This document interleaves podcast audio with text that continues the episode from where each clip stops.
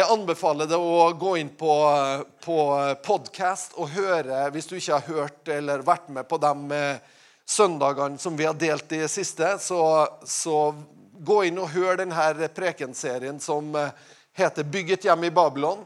Den første søndagen så hadde vi om forandring. Om det å være med å skape forandring.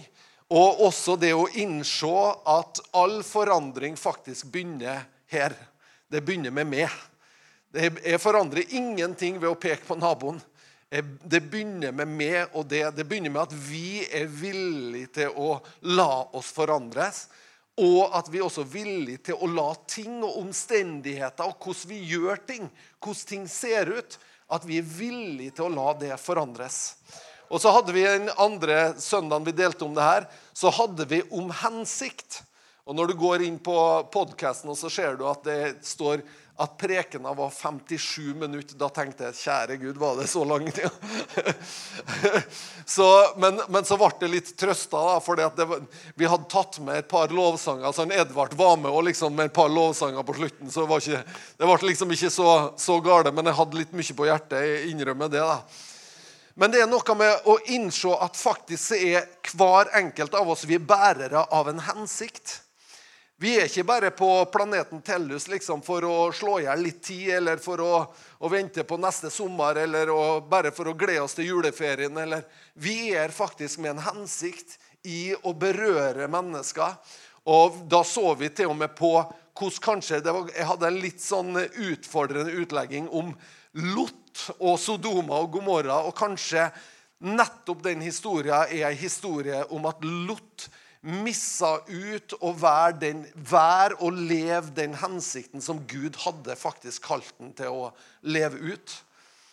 Og da blir det litt sånn i hvert fall i en sånn historie, da, når, når, man kjenner til hva som skjedde med Sodoma og Gomorra, så, så blir det veldig alvorlig. Det, og så alvorlig er det faktisk at skal forandring skapes, skal liv gis videre, så er det faktisk noen som må gjøre det så er det noen som må si at vet du, det, her, det her korset tar jeg opp. Det her vil jeg være en bærer av. Det her er noe som jeg faktisk tar på meg og sier at vet du, jeg lar meg sjøl berøre på en sånn måte at jeg kan komme i berøring med mennesker og berøre mennesker. Ok, og Så fortsetter vi i dag, og i dag er det eh, å eh, ha innflytelse å ha innflytelse. I dag så prater vi om det, og man prater faktisk om det at vi, vi snakker i dag om egentlig helt ukjente navn som er influensere. Det betyr altså, For dem som ikke er helt med, så betyr ikke at de har influensa. Det er noe helt annet. Så, men de er influensere. Det vil si at de dukker opp altså, på arenaer som før ikke har vært. Men så blir de trendsettere, så blir de på en måte med å skape trender i samfunnet der de tar det inn i tusenvis av ungdommer sine liv og setter trendene for hva er normalt, hva er rett, hva er godt, og hva er god tenkning. Og det er influensere i vår tid. Og så stiller jeg meg noen spørsmål i den forbindelse. Eh, er det en god innflytelse? Det er jo et veldig, veldig viktig spørsmål. Utøver de en god innflytelse når de setter retningslinjer for tusenvis av ungdommer? Er det en god innflytelse, eller er det noe som bryter ungdommer ned? Er det noe som langsiktig vil bygge gode liv? Sunne, gode samfunn? Er det noe som vil bygge samfunn som har bærekraft? Eller er, altså, eller er det bare en innflytelse som vil skape noe hype akkurat nå i tida? Sant? Vi trenger influensere, vi trenger noen som bringer innflytelse inn, som gjør det med en verdiballast som faktisk er bærekraftig i langsiktig gode liv.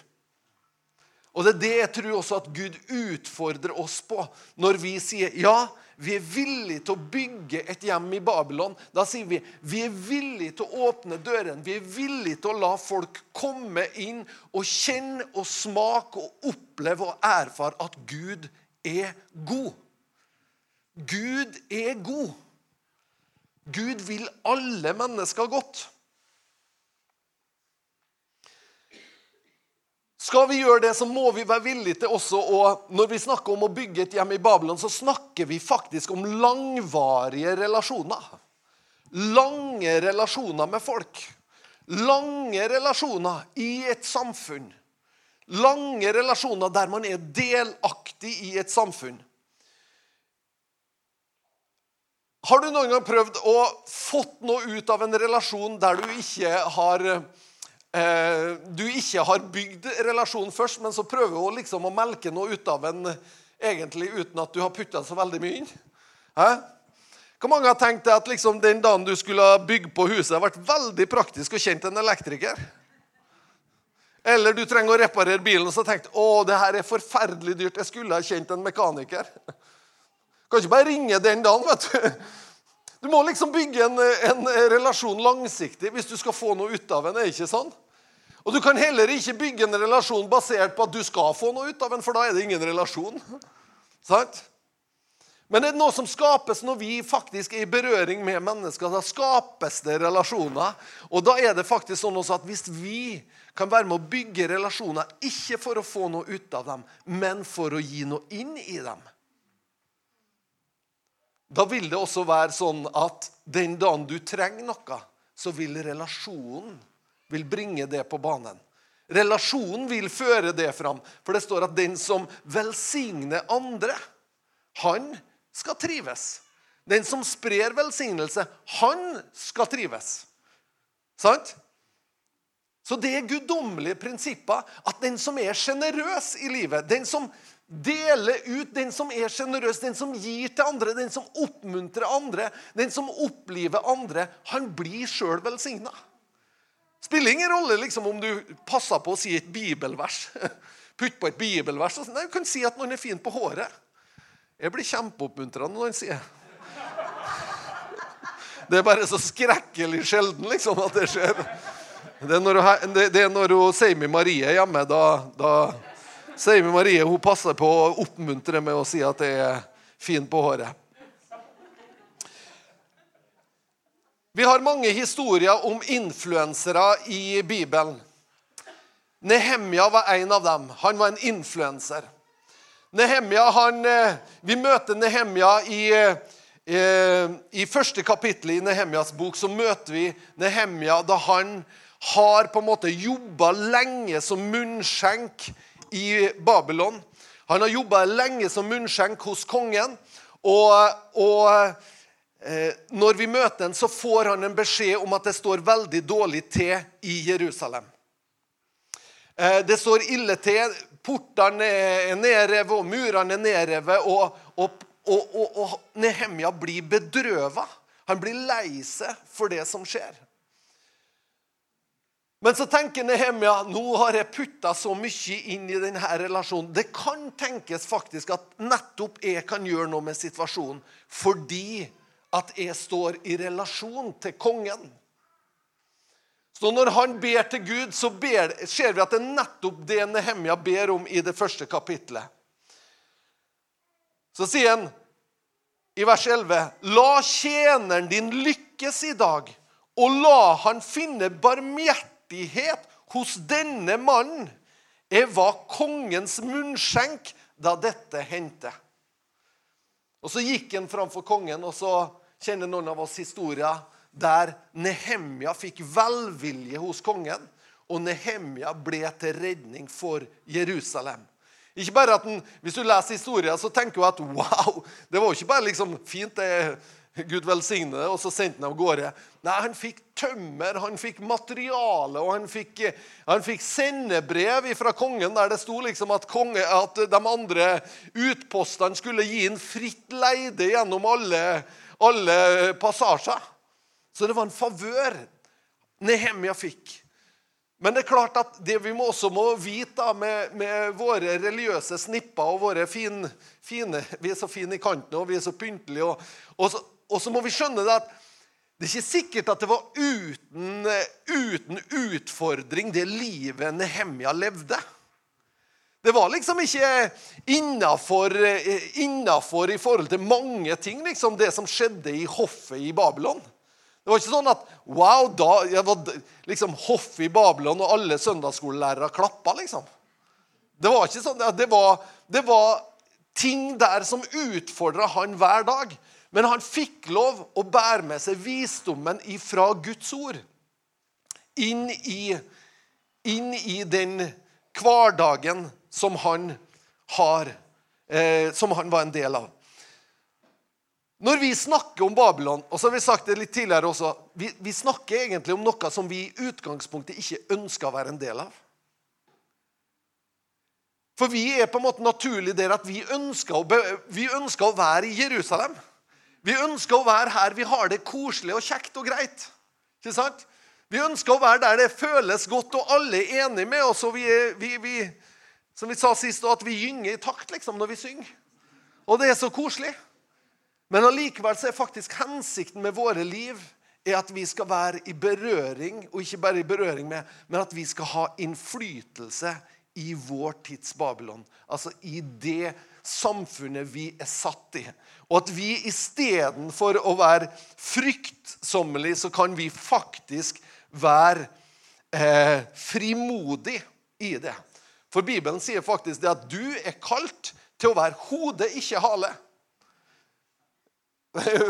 altså, jeg tenkte på, I dag på morgenen så tenkte jeg på Israel, eh, som er på en måte en liten nasjon, og de kaster stein på dem og må holde på å herje med dem hele tida.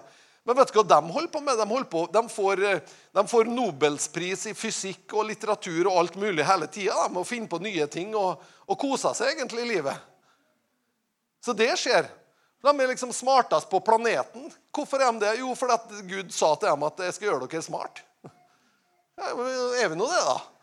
Altså, og så tar de det rommet, liksom, og så inviterer Gud oss inn i det samme rommet. Han inviterer oss inn i det samme. Og så sier vi nei, men vi vil, vi er kristne. Vi skal sitte og skal vi be til Jesus kommer tilbake. Og skal vi be om at han kommer fortere, sånn at vi kommer oss herifra. Gjør vi ikke? Og Jesus, nå må du komme. Herre, grip inn, sier vi. Og det er greit, det. Men vet du noe, vi må også gripe den plassen og den anledninga som Gud har gitt oss eller vil gi oss. Vi må tenke med mennesker og i et samfunn der du er en delaktig. Hvis du tenker da at du har en favørkonto, og det var den kontoen Nehemia plukka ut av Han plukka ut av en favør, ikke en honnørkonto nå, men en favørkonto. Det er sånn at når du på en måte er du er sammen med folk, og folk kjenner det, og, og folk kjenner på hvem du er for noen, og, og, hva du er en bærer av. Så er det faktisk sånn at du opplever at du får en favør hos folk. Sant? Og når du har favør hos folk, så er det på en måte sånn at da kan du hente ut litt på den kontoen. Du må tenke at Det er noe man bygger opp hos folk i et samfunn. Det er liksom ikke, sånn, det er ikke så lett å komme, komme, som innflytter til en plass og ingen kjenner det, og, liksom, og, så skal du begynne å ta ut på kontoen. Nei, la oss bli kjent med det først. Det er liksom ikke helt naturlig at første dagen så står du på døra kan jeg låne en kilo sukker. Ja, Fint, det, altså, men hva med du? Nei, Vi trenger på en måte å, å, å bygge en favør i det, eller vi bygger opp en favørkonto i de eh, samfunnene vi er en del av. Og gjør det enkelt for folk å ha kontakt med oss. Vær sjenerøs. Gjør det enkelt for dine naboer å like det. Og det her er sånn, Jeg har jobba som pastor i, i, i, 25 år, 26 år eller noe sånt. der. Og Jeg husker det var noen som kom til meg, Jeg var pastor i ei kirke selvfølgelig langt herifra. Men det var folk som kom, og så spurte de om folk i kirka som jeg var pastor i. Og så spurte de sånne spørsmål som det her at Ja, men han der som går i kirka di, hvorfor er han alltid så sur? Hvorfor er han alltid så sur? Nei, jeg vet ikke. Kanskje han Altså, hva skulle hun si? Hvorfor er han alltid så sur? Det jeg kan si, i hvert fall, at uh, det er ikke et godt vitnesbyrd. Og det også kan si at uh, da hadde han heller ikke mye å ta ut på kontoen. Fordi at mennesker ønsker å omgås mennesker som er sjenerøse, som gir ut ifra sitt eget liv. Og da, Når vi er sjenerøse, handler det ikke om hva vi kan få ut av en relasjon, men mer hva vi kan være med å gi. Ikke bare materielt, Men at vi gir ut liv, at vi gir ut smil, at vi gir ut som mennesker Det koster ikke veldig mye å skape en ny kultur der man sier hei til naboen når man møter den på butikken. Det koster ikke veldig mye å på en måte være en sånn person som oppmuntrer andre. Og i disse, i disse, Nå er jo valg, vet du, og det er jo fantastisk at vi får lov å velge. Men fordi om du stemmer ett parti, så betyr jo ikke det at du trenger å være sur på alle andre. Sant? Det betyr jo ikke at du altså Vi, vi blir så polarisert mange ganger. altså vi på en måte, vi, vi har, og, og, og dem der Ja, det er forferdelig. Nei, det er mye fine folk der òg. Og det er fine folk der òg. Ikke sant? Altså, det går faktisk an eh, Nå skal jeg, skal jeg, røpe noe. Annika hun, hun, hun liker jo slengere. Da, for at, I Kristiansund så har vi jo de politikerne vi har, og, og Gud velsigne dem. Men man vil jo ha inn gode folk som man veit er dyktige. Er det ikke sånn? Og hvis det sitter dyktige folk i et parti som ikke du sympatiserer med alt, men du vet at der, for å få til det vi skal i kommunen vår, så, så har det faktisk vært bra å ha han typen inn, eller hun dama der. Så er jo ikke noe liksom synd å gi dem en, en, en Er det det? Ja, kanskje. Ok, jeg, jeg vet ikke. Ja. Altså, Det er jo lov, om du stemmer på et parti, så har du faktisk lov å skrive på et annet navn. Og Det betyr ikke at du forplikter deg til altså skjønner du? For at folk er jo Folk er jo folk er fine. Og folk ønsker det gode. Og så har vi litt forskjellig syn på hva det gode er. det ikke? Men det er jo ikke sånn at liksom Nei, du skjønner at han er i det partiet, han. Og da er oh. Det er jo ikke sånn. Altså, det er jo, det er jo på en måte, det er jo sambygdinger vi snakker om. Det er liksom folk i vår, vår by. Og, og, det er jo stort sett vanlige folk, er ikke Sånn at det er faktisk lov å smile til alle. Også i disse tider. Hæ? Fantastisk. Jeg vet Det er mange som står på politiske lister her, og jeg syns det er topp. altså. Å stemme på hverandre. Hyv på, liksom. Svein står på politisk liste, og Victoria gjør det, Annika gjør det, flere som står på Hva? Per Ståle han står til og med på tredjeplass, KrF. Fjerde. KrF på fylkeslista. Vi trenger noen fra kommunen vår. Om du stemmer noe helt annet, se til at du gir en Per Ståle en slenger. da. Vi trenger noen fra kommunen vår på fylket. Victoria skal inn på både fylket og bystyret, har vi tenkt. Nå skal jeg være forsiktig, altså, men, men altså, og Hvis det er sånn at du da liker Victoria, nå er hun i Kristiansund og, og fylket Hvilken plass er du i fylket, Victoria? Nummer to? Nummer to vet du, fylke. Fantastisk. Det er innflytelse. Victoria er dyktig. bare så jeg vet det. Jeg har, jeg har folk fra helt andre partier som kommer. Du, hun der, eh, hun der Victoria Smenes, hun er, hun er flink, sier de. Det sier, sier de til meg. Victoria men sier ikke til det, vet du. OK, jeg skal, jeg skal. Men bare ikke, altså ikke, la oss ikke tenke liksom at, at folk er Folk er liksom, Hvis de ikke tror, så er, betyr det at de er bare ond. Det blir så forkvakla liksom, å tenke det at vi kan ikke tenke det. Vi må tenke at nei, vet du, de er så verdifulle at det er nettopp derfor Jesus kom. Det er fordi han elsker dem, som er så begeistra for dem at han ønsker å berøre. Og så er vi faktisk de berøringsagentene som Jesus ønsker å berøre.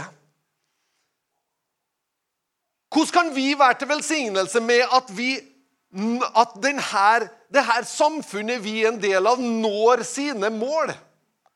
For det er det israelsfolket får beskjed om i Babylon. Dere skal se til at, denne, at det går denne byen vel. At de har fred og framgang.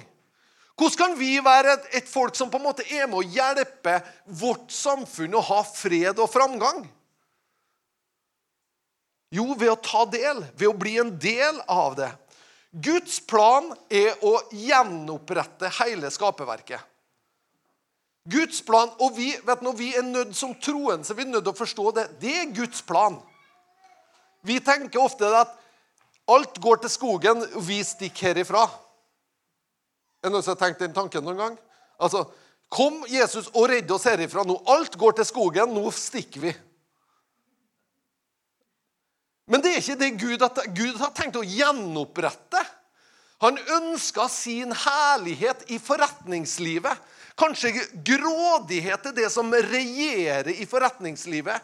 Karra til seg sjøl er det som gjelder i forretningslivet. Men Gud ønsker at det skal være en annen kultur der. En kultur som fordeler rettferdig, som er med å, å løfte opp enken og den farløse, er med å bruke midlene sånn at det blir til velsignelse. Hva tror du som skjer med den forretningsmannen som lever til Guds prinsipper? da? Tror du han sitter igjen med mindre? Jeg, jeg mistenker at han blir velsigna. Jeg mistenker. For Guds prinsipper er for alle mennesker. Han ønsker opprettelse, kunsten, kulturen. Det vi på en måte presenterer for hverandre. Han ønsker at det skal herliggjøre Gud. Han ønsker å gjenopprette det. Et samfunn som er berørt av Guds ånd, bringer det som er sunt og godt fram. Et samfunn der det ikke Guds ånd regjerer, bringer smerten og lidelsen fram. Og Noen ganger så må vi tenke i stedet for å tenke å, ta var så forferdelig verdslig. Er noen som har tenkt å, så verdslig. Uh. liksom, vi, vi. Så jeg skjønner det. Men noen ganger kan vi også tenke at oi, egentlig så er det et smerteuttrykk. Det er uttrykk for en lengsel eller en smerte. Det er kanskje et surrogat av hva man egentlig skulle ha hatt som mennesker. Så istedenfor å se ting bare i svart-hvitt, så kan vi se på en måte hva er det som rører seg bakom. Hvilke lengsler er det som, eller usikkerheter er det som rører seg bakom.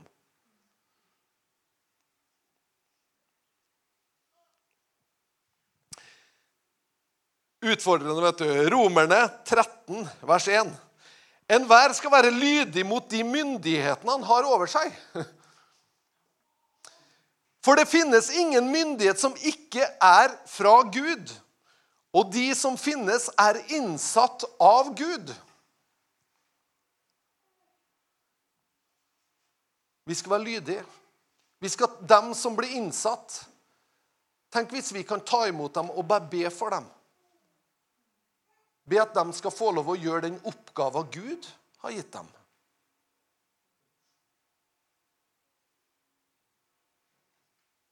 Ja, men, ja, men. Ja, jeg veit. Det fins så mye ja, men. Men allikevel så fins det ei tro som overvinner de her ja-menna. Som ber for, som velsigner. Romerne 13,1. Også i 1. Timoteus brev, det andre kapittelet, vers 1-4. Jeg formaner dere framfor alle ting til å til å bære fram bønner og påkallelser, forbønn og takk for alle mennesker. Be for konger og alle i ledende stilling, så vi kan leve et stille og fredelig liv med gudsfrykt og verdighet i alt. Dette er godt. Dette er godt, noe Gud, vår frelser, gleder seg over han som vil at alle mennesker skal bli frelst og lære sannheten å kjenne. Så vi ber for alle. Vi takker for alle. Vi går i forbønn for alle. Vi ønsker å se berøringspunkter der alle berøres. Dette gjelder også lokalmyndigheter. Faktisk. Alle i ledende stilling. Det gjelder lokalt òg. Ja, men ikke han. jo, våg å tenke han òg. Våg å tenke det.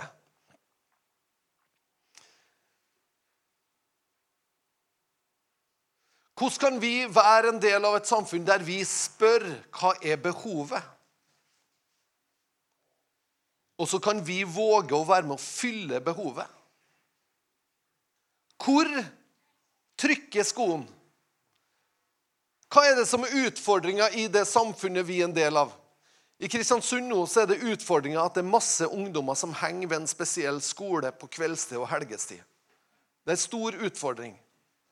De lurer på hva de skal gjøre i forhold til det. Og hva gjør vi? Vi går på bønnemøte og ber.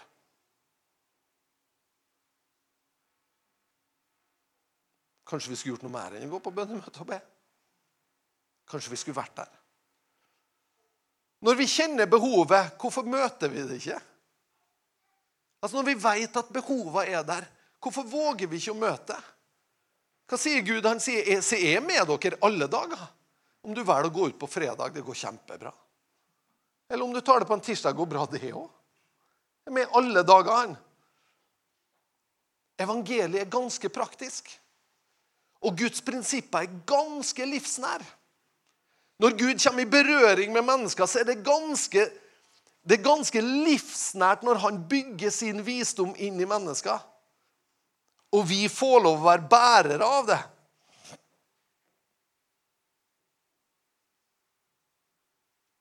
Hvordan kan vi som kirke være en plass der vi styrker dem som tar utdanning, til å bli med og influere? Ungdommene som er iblant oss, hvordan kan vi styrke dem sånn at de våger å stå? Og våger å ta utdanningsløp der de får lov å komme i posisjon? Det står at Daniel og kompisene hans de ble utdanna, står det. Det vil si at De måtte lære seg et nytt språk, de måtte lære seg nye skikker. De måtte lære seg alt på nytt. kalederenes skikker måtte de lære seg, og språk.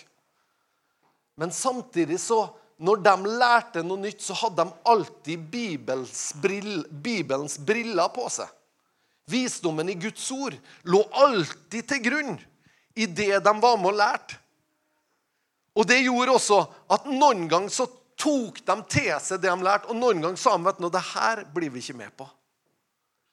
Så hadde de på en måte en evne til å kunne skjelne.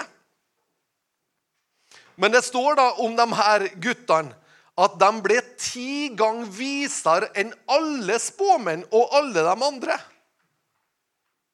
Hvordan kan det være? Hvordan kan det være sånn? Når vi tar med oss det Gud faktisk gir oss, hva står det om Jesus? Hva står det om Jesus? Det står at i Han er alle visdommens skatter skjult til stede.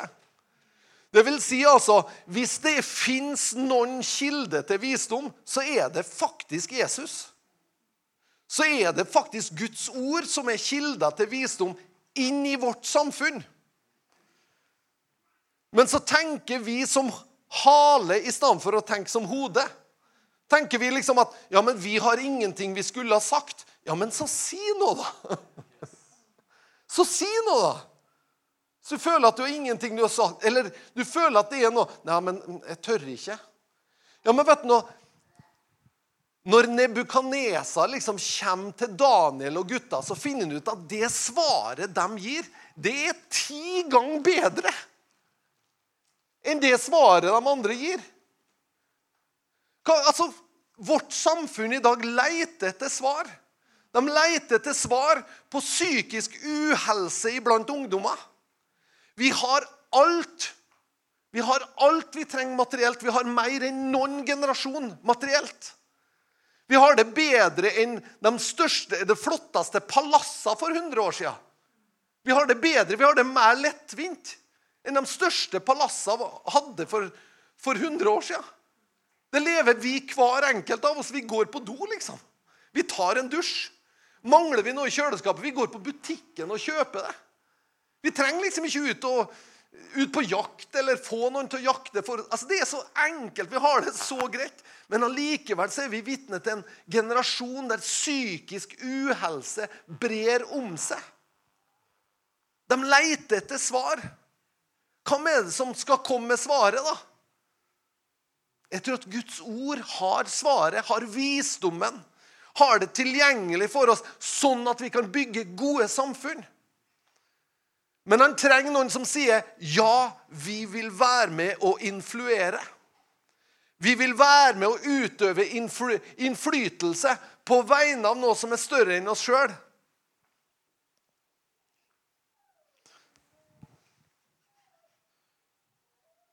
Kolosserne. Kolosserne 2, vers 2 og 3. Jeg kan bare ta det med.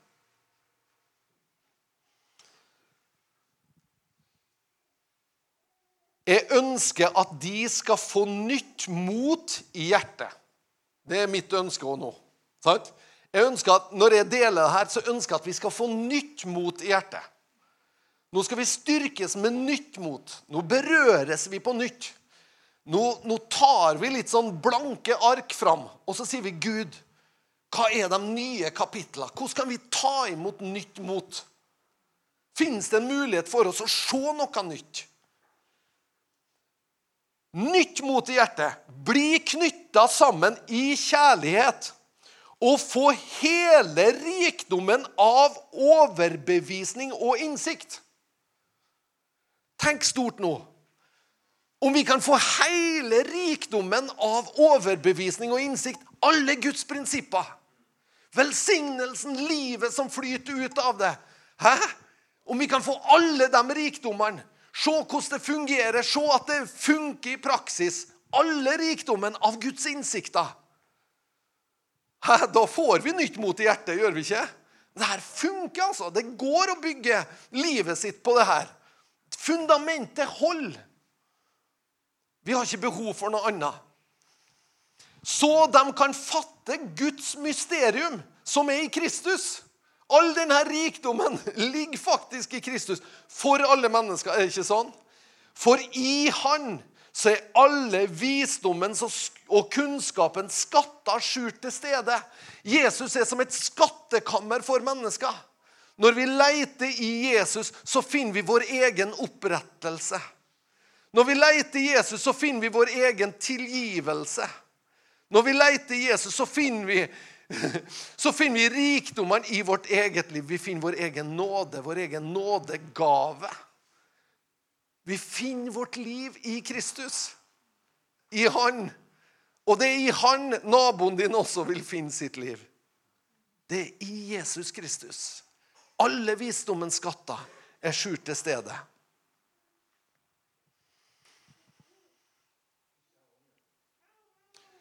Og så må vi passe oss. Hvilke briller ser vi ting med? Tenk deg Daniel og, og kompisene sett utafra. Hvis du har sittet litt utafor og sett på Daniel og kompisene, de er, altså, de er på hoffet. De tjener ved kongens bord. De er liksom de er der, og de får opphøyde posisjoner, og så tar du og jeg på oss litt sånn misunnelsens briller. Så sier vi at Nei, jeg tror ikke, jeg tror ikke det er rent av der, nei. Nei, jeg tror det er kompromiss, ja. Å, fy og fy, altså. Det er skummelt. Nei. Og så tar vi på oss noen briller der vi leser alt ut ifra egentlig at vi sjøl ikke lever oppreiste liv. Så tar vi på oss noen briller der vi på en måte tolker noe, eller at vi tar, tar på oss foraktets briller. Det er så lett å ta på seg foraktets briller. At vi forakter andre mennesker. Nei, han typen der. Så forakter vi andre mennesker, eller det de står i, det de er kalt det. Vi har ikke oversikten. Hva med du? Jesus til og med sier det til, sier det til, til sine disipler. Sier til, til Peter Han spør om Johannes. Ja, men du, hvordan skal det gå med Johannes, da? Så sier Jesus ganske enkelt, vet du Peter, følg du med. Ikke, ikke, ikke, ikke liksom legg det oppi, bland det for mye inn. For du ser ikke alt som rører seg i et annet menneskes liv. Ja, men jeg syns altså Han burde. Sant? Han burde Nei, det skulle han holdt seg for god til. Kanskje du har rett. Kanskje du har helt feil. Jeg vet ikke. For det er mange ganger vi ser vi, vi, putter på oss noen briller som på en måte farger det vi det vi det vi ser. Og så er det det som kommer ut av munnen vår. Hvilke briller kan vi ta på oss? Vi kan ta på oss kjærlighetens briller. Fantastiske briller. Tenk å se ting gjennom kjærlighet. da. Kjærligheten tror alt. Håper alt. Tåler alt. Wow! Det er kult. Se på andre mennesker. Se på det de gjør, ut ifra kjærlighet. Ut ifra en forventning om det gode. Jeg vet nå, å, Det er så artig å se han der. Du kan til og med se mennesker som ennå er langt borte kanskje ifra den livsvandringa du er vant til. Så kan du se dem med kjærlighet og forventning.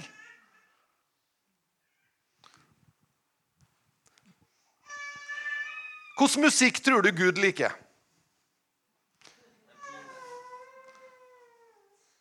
Tror du Gud bare hører på evangelietoner, liksom?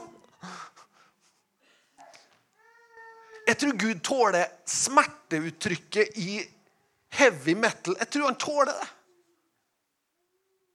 Gud er ikke redd for det menneskelige uttrykket, hvordan det kommer fram. Han er ikke redd for det. Han leter etter mennesker bak. Og så ser han mennesker med kjærlighetens briller, og så sier han at åh, ønsker å berøre. Det fins så mye smerteuttrykk i musikk. Og vi kan også høre smerten bakom og se på med kjærlighetens briller.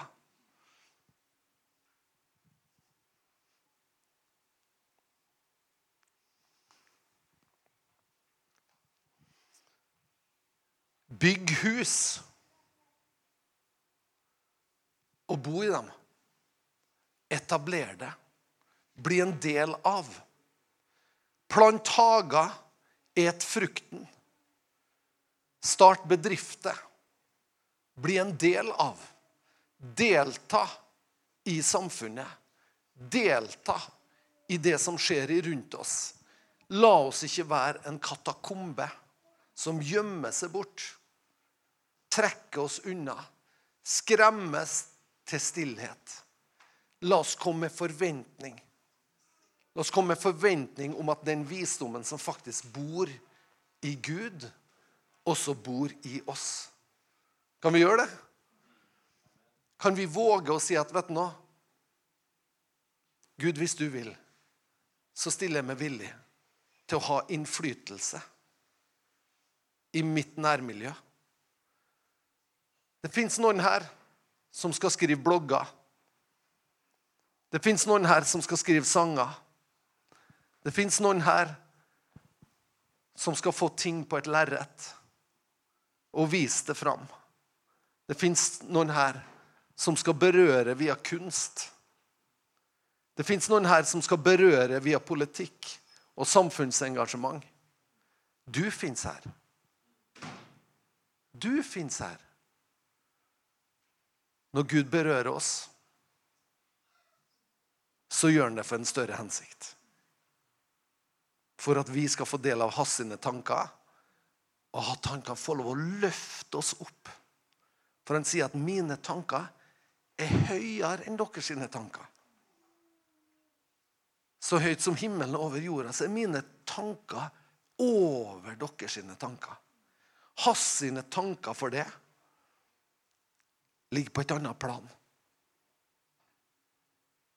Han ønsker å berøre det. Han ønsker å gjøre hjertet ditt mjukt og kjærlig og varmt. For da kan han gi deg del av de tankene han også har. Er hjertet ditt stolt, hovmodig, kan ikke Gud gi deg del av det. Men hvis vi lar Hans ånd berøre våre hjerter og våre liv, da kan han gi oss våre eller sine tanker for livet vårt. Skal vi bare be sammen? Jeg takker deg, Herre, for alle vi som er samla nå i formiddag. Og jeg takker at når du ser livet vårt, så, så fryder du det med forventning og lengsel. Etter å få se at eh, dine tanker kan gå i oppfyllelse gjennom vårt liv. Og så vet du at for noen av oss så gjelder det kanskje å bare ta det her første steget imot tro. Det første steget der vi sier 'Ja, men tør jeg tro?' Og så våger vi å bevege oss imot tro. Og Så vet vi at det er begynnelsen på ei reise sammen med det. Og for andre herre så er vi kanskje bærere på skuffelse og nederlag. Men jeg takker Herre at vi får lov å komme til det, Herre, og at du ved din ånd berører oss og at du ved din ånd, Herre, løfter oss opp på nytt igjen. At du reiser oss opp på nytt igjen. At vi får lov å si, 'Herre, her er jeg. Her er jeg. Må du ta det her livet mitt. Må du skrive nye kapitler i det her livet. Må du åpne nye dører. Må du føre meg ut i alt det du har tenkt for meg. Jeg takker for hver enkelt, Herre. Og jeg takker at du trenger oss. Og at vi skal slippe å peke på noen andre. Vi vet at det er mange, mange andre også du vil kalle på, og som du vil bruke, Herre. Men vi vet at du trenger oss, Herre. Og så bare ber vi, Herre, alle visdommens skatter. La ordet bli levende i oss, sånn at vi kan bare bringe det ut, Herre, med liv og forventning. Takk at du berører, Herre. Takk at du er den som tilgir all vår skyld, Herre, og renser oss ifra all, all vår urettferdighet. Takk, Herre, at vi får lov å ta imot en ny start ifra det. Og at ditt blod, Jesus, det renser oss, det setter oss fri. Gang på gang på gang igjen. Får vi komme og drikke ufortjent og uforskyldt av frelsens kilder. Får vi lov å ta imot, Herre, liv og hensikt ifra det. I Jesu navn jeg takker for det, Herre. Takker for alle kall som er i dette huset i dag. Alle gaver som er i huset. Å, jeg takker det, Herre. Takker for alle samtalene og berøringspunkter vi representerer, Herre. Takk at du kommer med din ånd, og så berører du oss, Herre, sånn at vi kan berøre denne verden også, i Jesu navn.